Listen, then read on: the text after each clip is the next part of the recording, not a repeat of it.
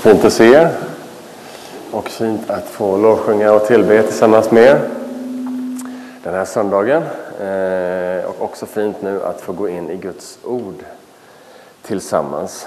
Jag vill börja med att be en kort bön. Herre, jag tackar dig för ditt ord som vi har hört läsas. Jag ber att den här stunden här ska få bli en stund där du bygger upp oss i våran tro, där du utrustar oss där du gör någonting gott i oss, Herre. Där du etablerar oss i din kärlek för oss på ett djupare sätt, Herre. Och jag ber, Herre, att det här ska förbli en stund, inte bara om dig, utan med dig. Och jag ber att du ska beröra våra hjärtan, att du ska bekräfta oss i dig, att vi är i dig.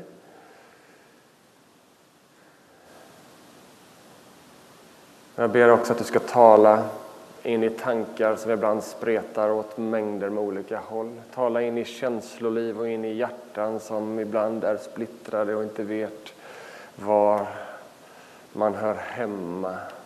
Jag ber att idag vill du samla oss i din famn, i dig Herre. Låt oss få njuta av vem du är och njuta av det livet som du har för oss Herre. Tack för det Herre. Jag ber att du ska hålla mig i ditt grepp så att jag får förkunna ditt ord på ett sätt som bygger upp. Amen.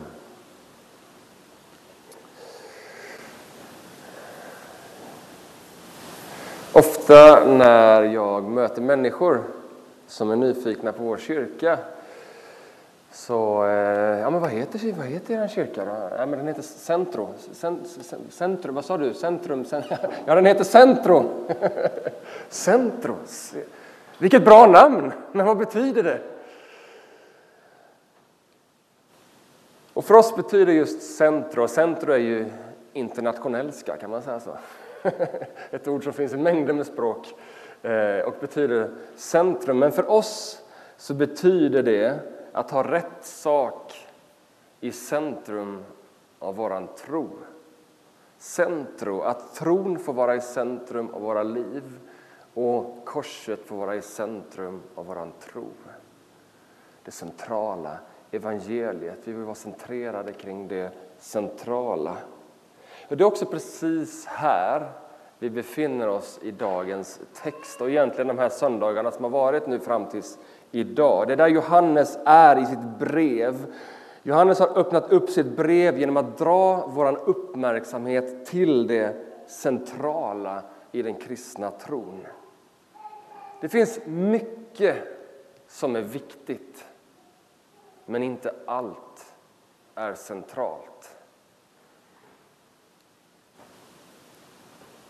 Johannes han har fört vår blick under två kapitel mot det centrala och han har satt vår blick på, som vi hörde den första söndagen här i det här temat, satt vår blick vid Jesus som sann Gud och sann människa.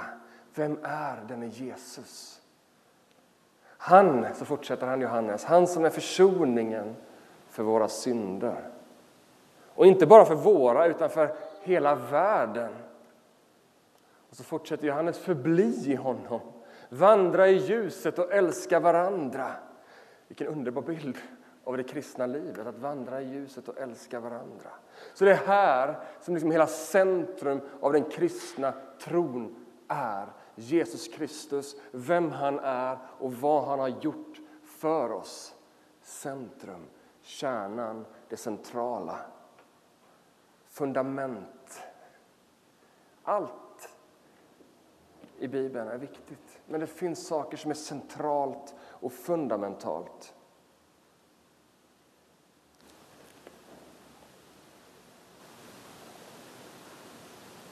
Men det är också alltid kring centrum som det finns en strid. Jag menar, ta konflikter och kriger. Liksom det, krig, men visst, man kan ju hålla på ute i, i obygden, liksom. slåss om en gran eller vad det är för någonting.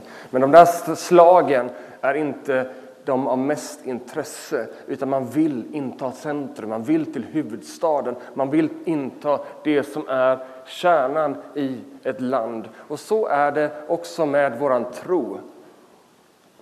Striden står om det centrala och det är vad Johannes talar om i texten. Striden står kring det centrala. Så Johannes rustar oss i dagens text för att beskydda vår tro och trons centrum och hjälpa oss stå fasta i evangeliet. Och Det är där vi ska röra oss idag. Vad är det Johannes säger om beskyddet som finns för vår tro?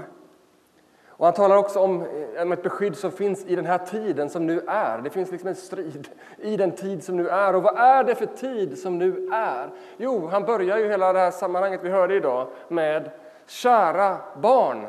Då känner man att nu tar han en ny ansats i texten här. Nu är det någonting han vill, liksom, nu vill han liksom komma in på någonting här. Kära barn. Kära medsyskon i tron skulle också kunna vara ett annat sätt. Jag tror han menar precis det. Den sista tiden är här. Vad tänker du på när du hör den sista tiden? En del kanske får såna här sci-fi-referenser och man börjar liksom tänka på, på liksom en massa outspacade saker och jordens undergång och allt vad det kan vara. Och andra tänker på Jesu återkomst och det är det enda med den sista tiden. Och liksom Jesus kommer tillbaka. Och någon kanske tycker det är skrämmande. Och sista tiden, vad då finns det ett slut? Och vad är, det, vad är det här för någonting? Och andra bara känner full förtröstan och hopp. Sista tiden, ja, men det är det är hopp. Det är hoppfullt. Begreppet sista tiden för Johannes och genom Nya testamentet är inte en tid som ligger framför.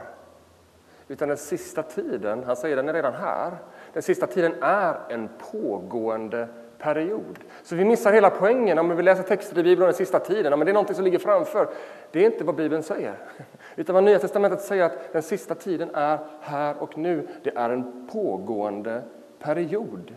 Och i Nya Testamentet här någonstans, så beskrivs den period som är ifrån Jesu himmelsfärd till Jesu återkomst som den sista tiden. Det är en tid som är och som pågår. Absolut. Också i Johannes och i andra texter så finns det en känsla av att klockan är kvart i tolv. Och det är också sant. Det finns en känsla av att oh, det, det, det drar ihop sig. Det är liksom... Och jag tror att ett kristet liv bär med sig en medvetenhet om att Jesus ska komma tillbaka. Och det kan ske nu. Det kan ske snart. Det finns där, känslan av kvart i tolv. Men lika viktigt så handlar allt tal i Nya testamentet om att den sista tiden handlar om att förstå tiden här och nu. Hur lever jag här och nu?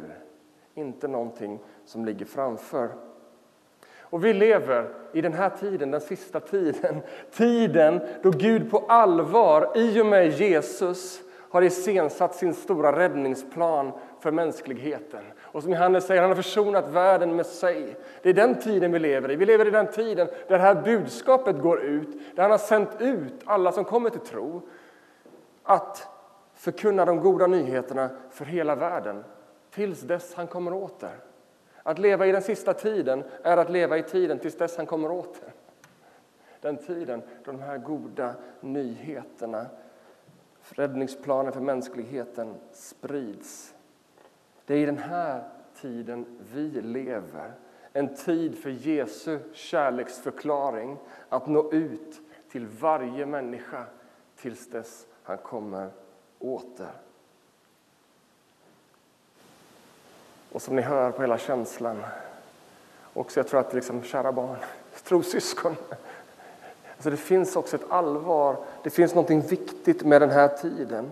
Det är därför också som fienden gör vad han kan för att vilseleda och få oss att tappa fokus, för att sprida massa desinformation och massa konstiga saker om kristen tro och om vem Jesus är. Därför att det är en viktig tid vi lever i. Och det är det som Johannes riktar in vårt fokus på. Det finns en strid om det centrala. Fienden är på gång och håller på för att liksom rikta om vårt fokus, få oss att tappa blicken från det som är viktigt. Så mina vänner, den sista tiden är här. Och ni har hört att Antikrist ska komma. Jag får såna härliga texter att predika över. Det är liksom synd och det är antikrist och alla möjliga saker. Jag tror att det här ska bli bra och inte så konstigt som du tror när du hör att det blir en massa antikrist i texten här. Ni har hört att antikrist ska komma och redan har många antikrister visat sig. Och det är ofta liksom när man pratar om den sista tiden så är det många kristna som liksom börjar, ja men antikrist, vad är det för någonting? Och det är liksom så talas om i Bibeln och vad är det? Och, och liksom, det är det man tänker på när man tänker på sista tiden. Och, och Johannes säger det till liksom samtidens liksom judar troligtvis också att, att, att, att, eh, ni har hört att antikrist ska komma. Alltså judarna levde också med en sån medvetenhet av att en antikrist ska framträda. Och Johannes säger inte emot den tanken utan ja, ja ni har hört det. Och det ser vi också i Paulus i Andra Thessalonikerbrevet där, Paulus talar om en laglöshetens människa som ska framträda mot slutet. Så det finns någonting som ska framträda mot slutet. Och här finns så mycket onödig spekulation. Och har alltid funnits. Vem är den antikrist? Är det den? Är det den? Och vem kan det vara? Liksom som att, vi skulle liksom, att det skulle vara vår uppgift att fokusera på det. Och jag ska inte ge mig i kast här, liksom, vem är antikrist? Jag ska inte ge mig i kast här och försöka liksom, ge några bra teorier och hur det kan vara framåt. Det kan vara intressant, men faktum är att sådana spe spekulationer kan få oss att missa hela poängen. Därför att det är inte alls vad Johannes talar om i texten. Det är inte alls vad han är intresserad av att diskutera. Därför att Johannes, vad vill han göra? Han vill rikta vår uppmärksamhet mot nu. Redan nu har många antikrist utgått. Nu! Det är liksom ett, ett, fokus på nu, inte vad som ligger där framför. För om vi fokuserar på det som ligger där framför så missar vi ju nu. Att leva nu. Och vad är det som är viktigt nu? För tar vi hand om nuet, då kommer också dået att ta hand om sig själv. Så jag tror att vi som kristna skulle må bra av att spekulera mindre om framtiden och mer leva i nuet.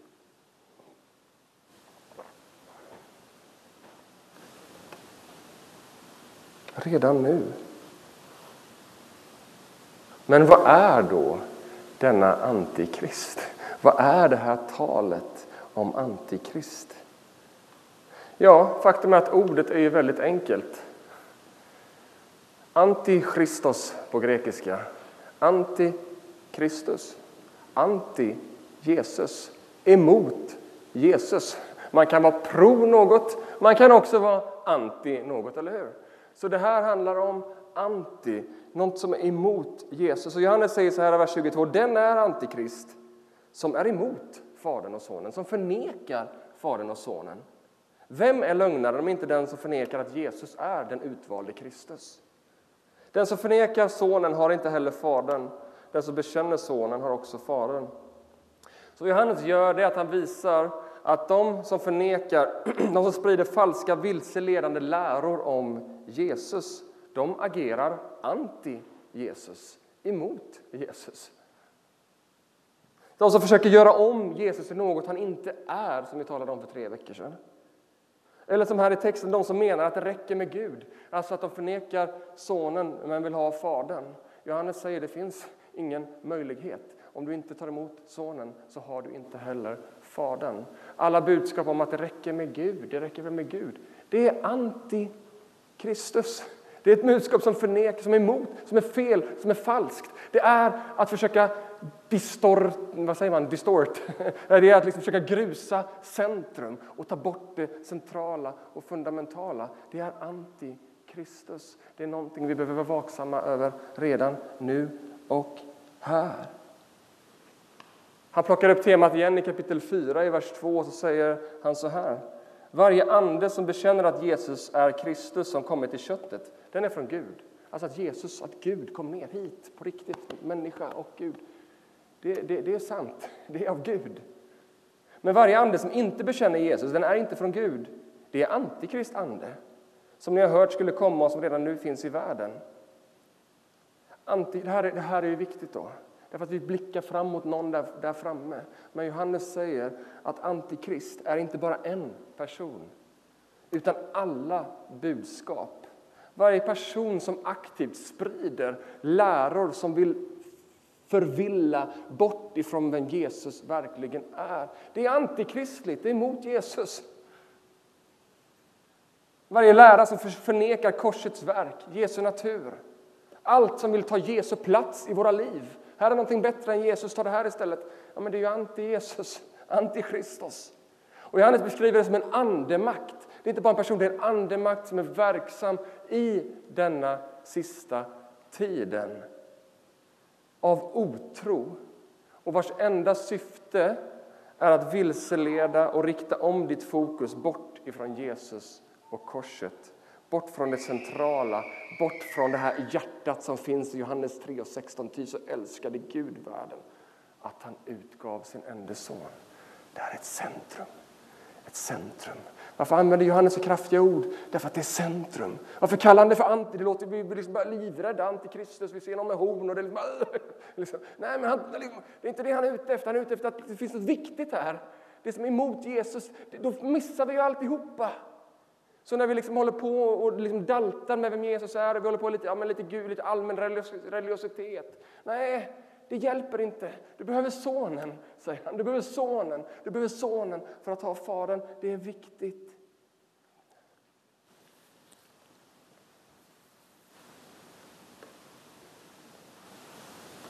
Johannes riktar på fokus mot nuet.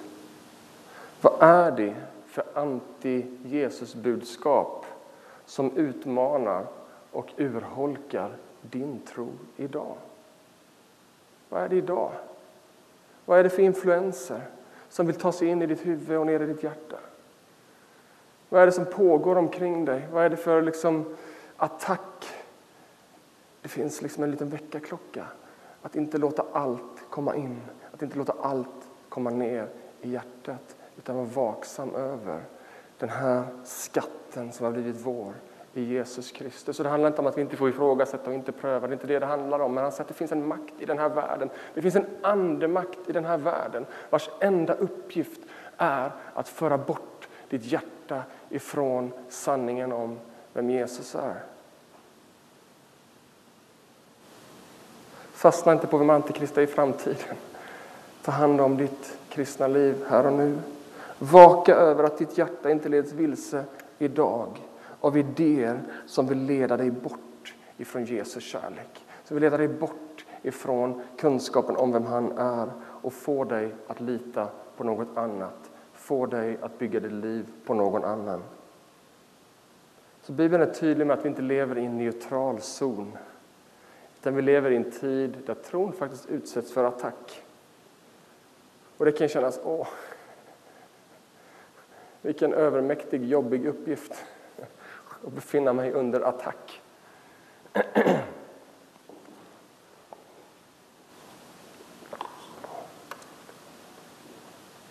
Hur ska jag kunna bevara min tro i en sån här situation? Hur ska jag liksom kunna vara kristen och bevara tron i en sån här kontext? Och hur ska, jag, hur ska vi navigera i en sån här snårig terräng? Och hur ska jag kunna urskilja vad som är rätt och vad som är falskt, vad som är fel och vad som är gott och vad som är hjälp. Och genom åren så har många kommit till mig och, och liksom just med de här frågorna. Hur ska jag veta att inte jag blir vilseledd? Hur vet jag att det jag tror är rätt? Och det, är liksom, det måste jag vara teolog för att vara kristen. Jag kan liksom inte navigera i varenda fråga. Och inte ens teologer verkar överens om alltihopa. Så hur ska jag göra? Det går inte. Faktum är att det Johannes presenterar i dagens text är så otroligt befriande. Där du inte alls behöver bli teolog, där det inte alls är en så snårig djungel och terräng som man kan tro, utan det finns ett beskydd i Gud. Men innan vi dyker in i de här tre saker jag vill lyfta fram ifrån Johannes text som är som verktyg, som liksom en hjälp till oss. Så innan vi gör det så vill jag dela någonting som ligger lite till grund för det också, som har varit viktigt i mitt liv, i att hantera de här olika sakerna. Därför att det är viktigt att förstå att alla olikheter i tron är inte antikrist ande. Alla olikheter i tron är inte villoläror. Alla olika uttryck, olika synsätt är inte villolära. Det hade ju blivit kaos om det hade varit så. Alltså, tror du så, men jag tror så här. Hjälp! Vem av oss är antikrist? Det är inte alls på det planet. Så att det är viktigt att förstå. Och ibland så brukar jag tänka att det i den kristna tron finns som tre nivåer eller tre lager utav kunskap. Och jag kallar, du kan kalla dem vad du vill, men jag brukar kalla dem för dogma, doktriner och åsikter. Och i mitt universum, och jag vet att andra tänker likadant, så dogma, det står för det som hela kyrkan är överens om. Det står för det som är det mest centrala av det centrala, där vi förenas i trosbekännelserna som alla skriver runt. Det som liksom allt står och faller med.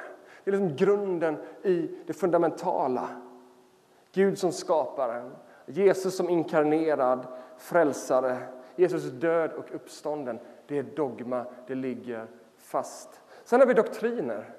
Och Det är liksom nästa lager av kunskap eller eh, uppenbarelse. Och det, det, det, kan vara viktiga saker. Det kan vara som sakramentens funktion. Hur är det egentligen med nattvarden? Hur blir det egentligen med brödet och vinet? Alltså det är här, eh, viktiga saker att liksom sättas in i, särskilt om man är eh, liksom pastor. Som jag, då behöver man verkligen jobba med doktriner, för det är viktiga saker.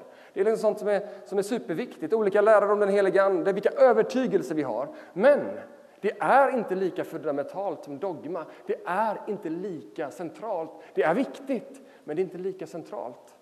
Och Sen kommer vi till åsikter, som kyrkan är väldigt bra på att tjafsa om. Det är egentligen knappt viktigt. Det kan vara intressant. Liksom. Olika uttryck av tron. och Det är liksom sakfrågor som vare sig är fundamentalt eller avgörande. Det kanske inte är helt oviktigt, men det är långt ifrån centralt. Så vad vill jag säga med det här? Dogma, doktriner och, och åsikter. Om du hade behövt kunna förklara allting i Bibeln, om du hade kunnat liksom ge ett svar för varje vers och liksom ha, liksom varje lära, varje idé och tanke, om du hade kunnat ge respons på allt, på varje doktrin och varje åsikt, då hade du haft en svettig uppgift, minst sagt. Villoläror skjuter på trons fundament. Det är liksom inte så viktigt att skjuta på en, på liksom en gran ute i skogen som ingen riktigt... Så här, liksom. Ja, det är väl eh, bra med den granen där. Liksom. Utan den skjuter, villolärare skjuter mot trons fundament. Villoläraren handlar primärt om att gå vilse i det mest centrala. Det är därför Johannes säger det är antikristos här. Det är det som är, det är där det skjuts in, liksom att försöka förvränga trons kärna. Absolut, villolärare kan börja på doktrinnivå, det kan liksom börja där och sen spinner det vidare. Men det blir först riktigt allvarligt när det skjuter på dogma, det som är kyrkans fundament. Många frågor är viktiga, kommer ni ihåg vad vi sa i början? Men alla är inte centrala. Striden står om det centrala. Så min poäng är att villorna skjuter mot det centrala. Så det är inte, du behöver liksom inte täcka upp här och var, liksom bli nervös så fort någon har en lite annan syn på någonting. Fråga. Nej, det, det, slå vakt om det centrala.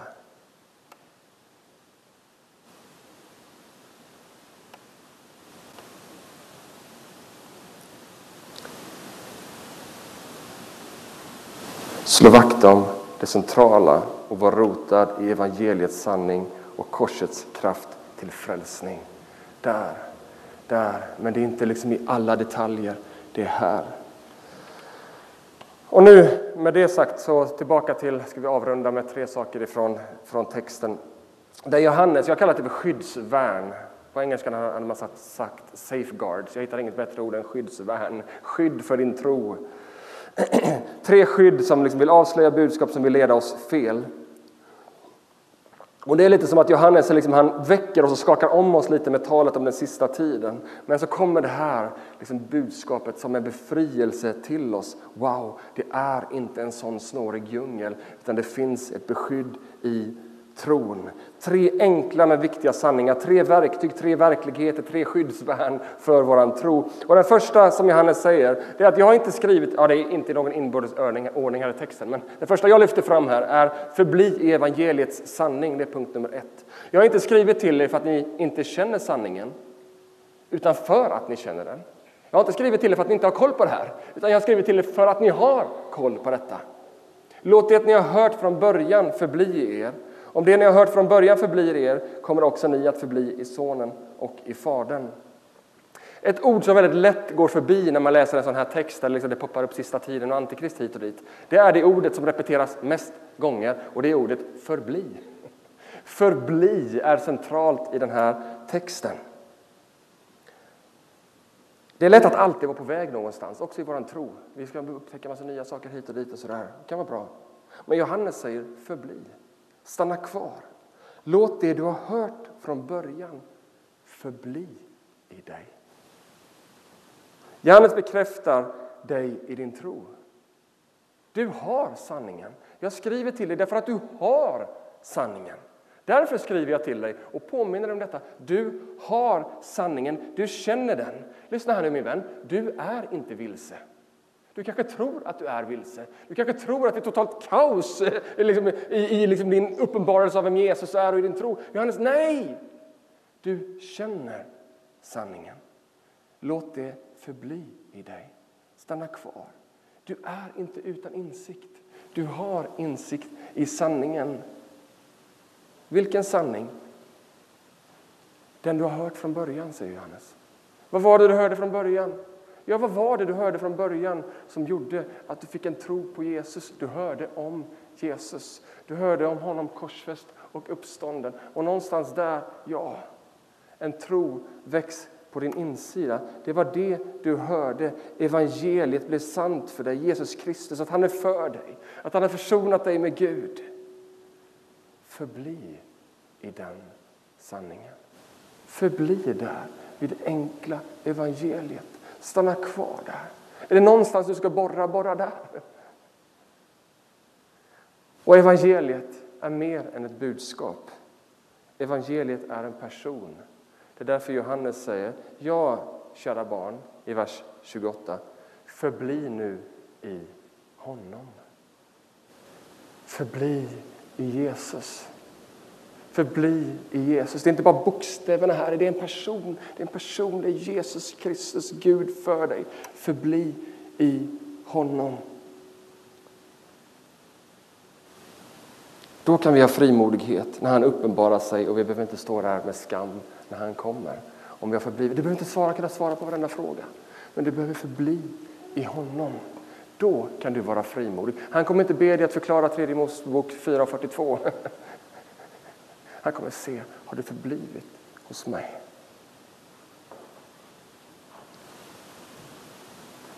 Att växa i sin kristna tro är inte att gå vidare från korsets verklighet utan att borra sig djupare i den kärlek som Gud har visat för oss genom sin son Jesus Kristus. Förbli i budskapet om Jesus. Förbli, förbli där.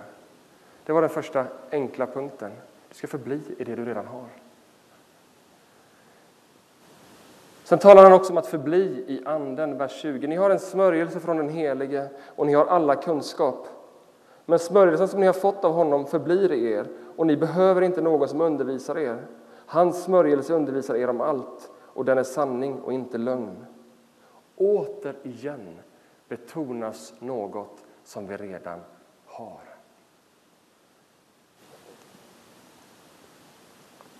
Och Johannes säger att på samma sätt som ni har sanningen så har ni också en smörjelse ifrån Gud. Och smörjelse det är bibliska för den helige Ande. Ni har den helige Ande. Och återigen är förbli ett nyckelord. Men nu så, om, så är det lite mer omvänt därför att det står att han förblir i er. Han förblir i dig. Han ska ingenstans. Den helige Ande är inte på väg någonstans bort ifrån dig. Du behöver liksom hålla fast. Han förblir i dig. Han har inte lämnat dig. Ni har en smörjelse. Det finns en bok som jag och Emelie lite lyssnade på i, i, i, bilen för ett tag sedan. Och det är för, för en pastor som heter Francis Chan. Och han har skrivit en bok som heter, eh, eh, om den helige Ande som heter The Forgotten God, den glömda Guden. Och det finns en risk, tror jag, i vårt upplysta samhälle. Att vi prioriterar logik och eget kunskapssökande Lite som att det kristna liksom, budskapet har blivit ett pussel vi ska lägga. Liksom, liksom logiskt, matematiskt, analytiskt. Liksom, vi ska få ihop alltihopa och det kan vara viktigt. Men Bibeln kan bli på det sättet reducerad till en liksom manual som det bara handlar om att logiskt förstå. Men vågar vi lita på det som Johannes säger i dagens text? Vi har fått Anden och har all kunskap. Du har fått Anden och du har all kunskap. Va? Att Anden förblir i oss. Han är inte på väg någonstans, han förblir i dig och han undervisar dig om allt. Och Anden i oss är sanning. Är ni med mig? Det finns något väldigt intressant här. Ibland är det som att vi har gjort den heliga Ande arbetslös, tror jag. Han har inte så mycket att göra i våra liv. Därför att vi håller på med alla våra idéer och ska få ihop alltihopa. Vi ska förstå Bibeln utan den helige Andes ledning. Vi ska förstå livet. Vi ska planera våra liv utan den helige Andes ledning. Vi ska lägga pusslet. Vi lever hela vardagen utan att liksom erkänna den helige Ande på vår insida. Utan insikten att Anden finns i oss och formar våra liv, formar våra tankar och leder oss in i sanningen och ger oss liksom gudomlig energi i våra gåvor. Johannes bekräftar att ni har fått den helige Ande som en inre guide. Att skydda oss från att bli vilseledda.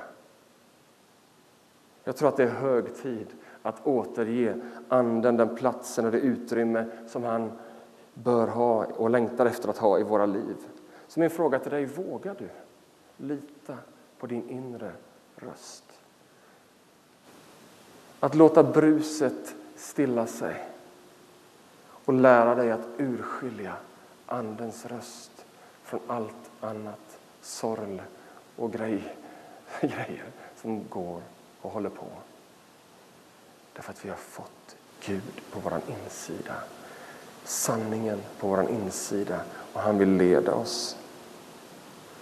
Och innan jag lämnar den punkten så vill jag också säga nej den här texten säger inte att vi inte behöver undervisning. Ni behöver inte längre någon som undervisar er, säger Johannes i texten. Och jag har hört flera, men då behöver jag inte gå till kyrkan, jag behöver ingenting. behöver vi inte undervisning? Faktum är att vad gör Johannes? Vad gör han här i texten? Han undervisar ju. Det är inte det han är ute efter, utan han är ute efter att adressera de här villelärarna. Vi behöver ingen ny kunskap om vem Jesus är. Vi behöver ingen annan idé om vad som är centralt i den kristna tron. Vi behöver bara det vi har hört från början. Och det behöver vi undervisas i, både av, direkt av den heliga Ande när vi läser ordet och, och liksom mediterar, men också av varandra. Till sist, jag vet inte, jag känns som jag har predikat länge, men det får vara så. Det tredje och sista skyddsvärnet. Förbli i den kristna gemenskapen. Och då står det så här i vers 19 om de här villolärarna, att de har gått ut ifrån oss, men de hörde aldrig till oss. För hade de hört till oss skulle de ha blivit kvar hos oss. Så hela det här brevet, första Johannesbrevet, är en respons mot de här villolärarna som förminskar Jesus, de här som han kallar för anti-Jesus. Och vi förstår då när vi läser det här att de här har tidigare varit en del av den kristna gemenskapen av församlingen, men utan att på riktigt rotat sig i gemenskapen. Den där gemenskapen som Johannes i kapitel 1 beskriver som inte bara är en gemenskap med oss utan som också är en gemenskap med Fadern och Sonen, kapitel 1, vers 3. Kristi kyrka som är någonting mer än bara en förening. Det är Guds verk på jorden där vi har gemenskap med varandra och med honom. Och det står om dem att de här saknade rötter i den kristna gemenskapen. Därför kunde de lämna, säger Johannes. Hade de haft rötterna rotade här så hade de inte kunnat lämna. Men nu kunde de lämna, för de hade inga rötter. De förblev inte, de blev inte kvar. Så är det. Blev inte kvar i gemenskapen. De förblev inte i gemenskapen. Att förbli i Kristus kan inte skiljas från att förbli i hans kropp. Om de hade hört till oss skulle de förblivit med oss. Det finns ett beskydd när vi förblir i gemenskapen med varandra, när vi får slipas mot varandra, när vi får liksom stöd. Liksom, Paulus beskriver det som en kropp där vi får stöd, liksom olika lemmar som får stöd av varandra. Det finns en helig katolsk kyrka som inte är något specifikt samfund utan som är Jesu Kristi kyrka i vilken vi är kallade att förbli. En kyrka som tar sig uttryck i lokala gemenskaper som försöker göra Jesus trodd, känd och älskad på den platsen där man verkar. Förbli där! Där ni tillsammans ska förstå höjden och bredden och djupet av Jesus kärlek och tjäna honom i världen. Förbli där! Förbli i en hälsosam och sund, Jesuscentrerad och den heliga Ande omfamnande gemenskap som hjälper dig att växa i tron på Jesus och som hjälper dig att ha blicken fäst på det centrala. Jag vet inte hur du känner, men för mig är det otroligt befriande att Johannes inte kommer med en lång to-do-list för att vara en duktig kristen. En massa saker du behöver göra för att nu, hur, hur ska jag få ihop det här livet här nu? Hur ska jag navigera i en värld som på många sätt är emot det kristna? Hur ska jag göra? Och så bara kommer en list, ännu mer krav, ännu mer att göra, ännu mer, åh nej, jag orkar inte det också. Johannes presenterar inte alls något sådant, utan han talar om vad som vi redan har. Och så säger han, förbli i det som blivit dig givet. Förbli i det du har. Du har sanningen, förbli i den.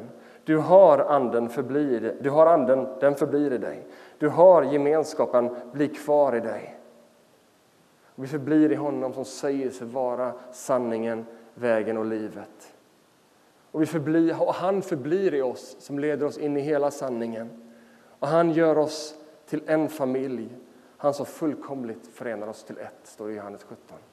Alltså det är ett Guds verk i oss från början och till slut. Det är inte så mycket hur du behöver kämpa, det är mycket mer att du behöver bara ge upp inför honom, förbli i honom. Herre, här är jag, gör ditt verk i mig. Ande, led mig, led mig in i sanningen. Sök dig in i gemenskapen, sök dig inte bort, sök dig in i värmen. Förbli i de skyddsvärn du redan har. Och långt mycket mer. Allt det här är inte bara ett skydd. Det är inte bara ett beskydd, det här är ett liv. Underbart liv att leva i. Det är källor till glädje, till gemenskap och till liv.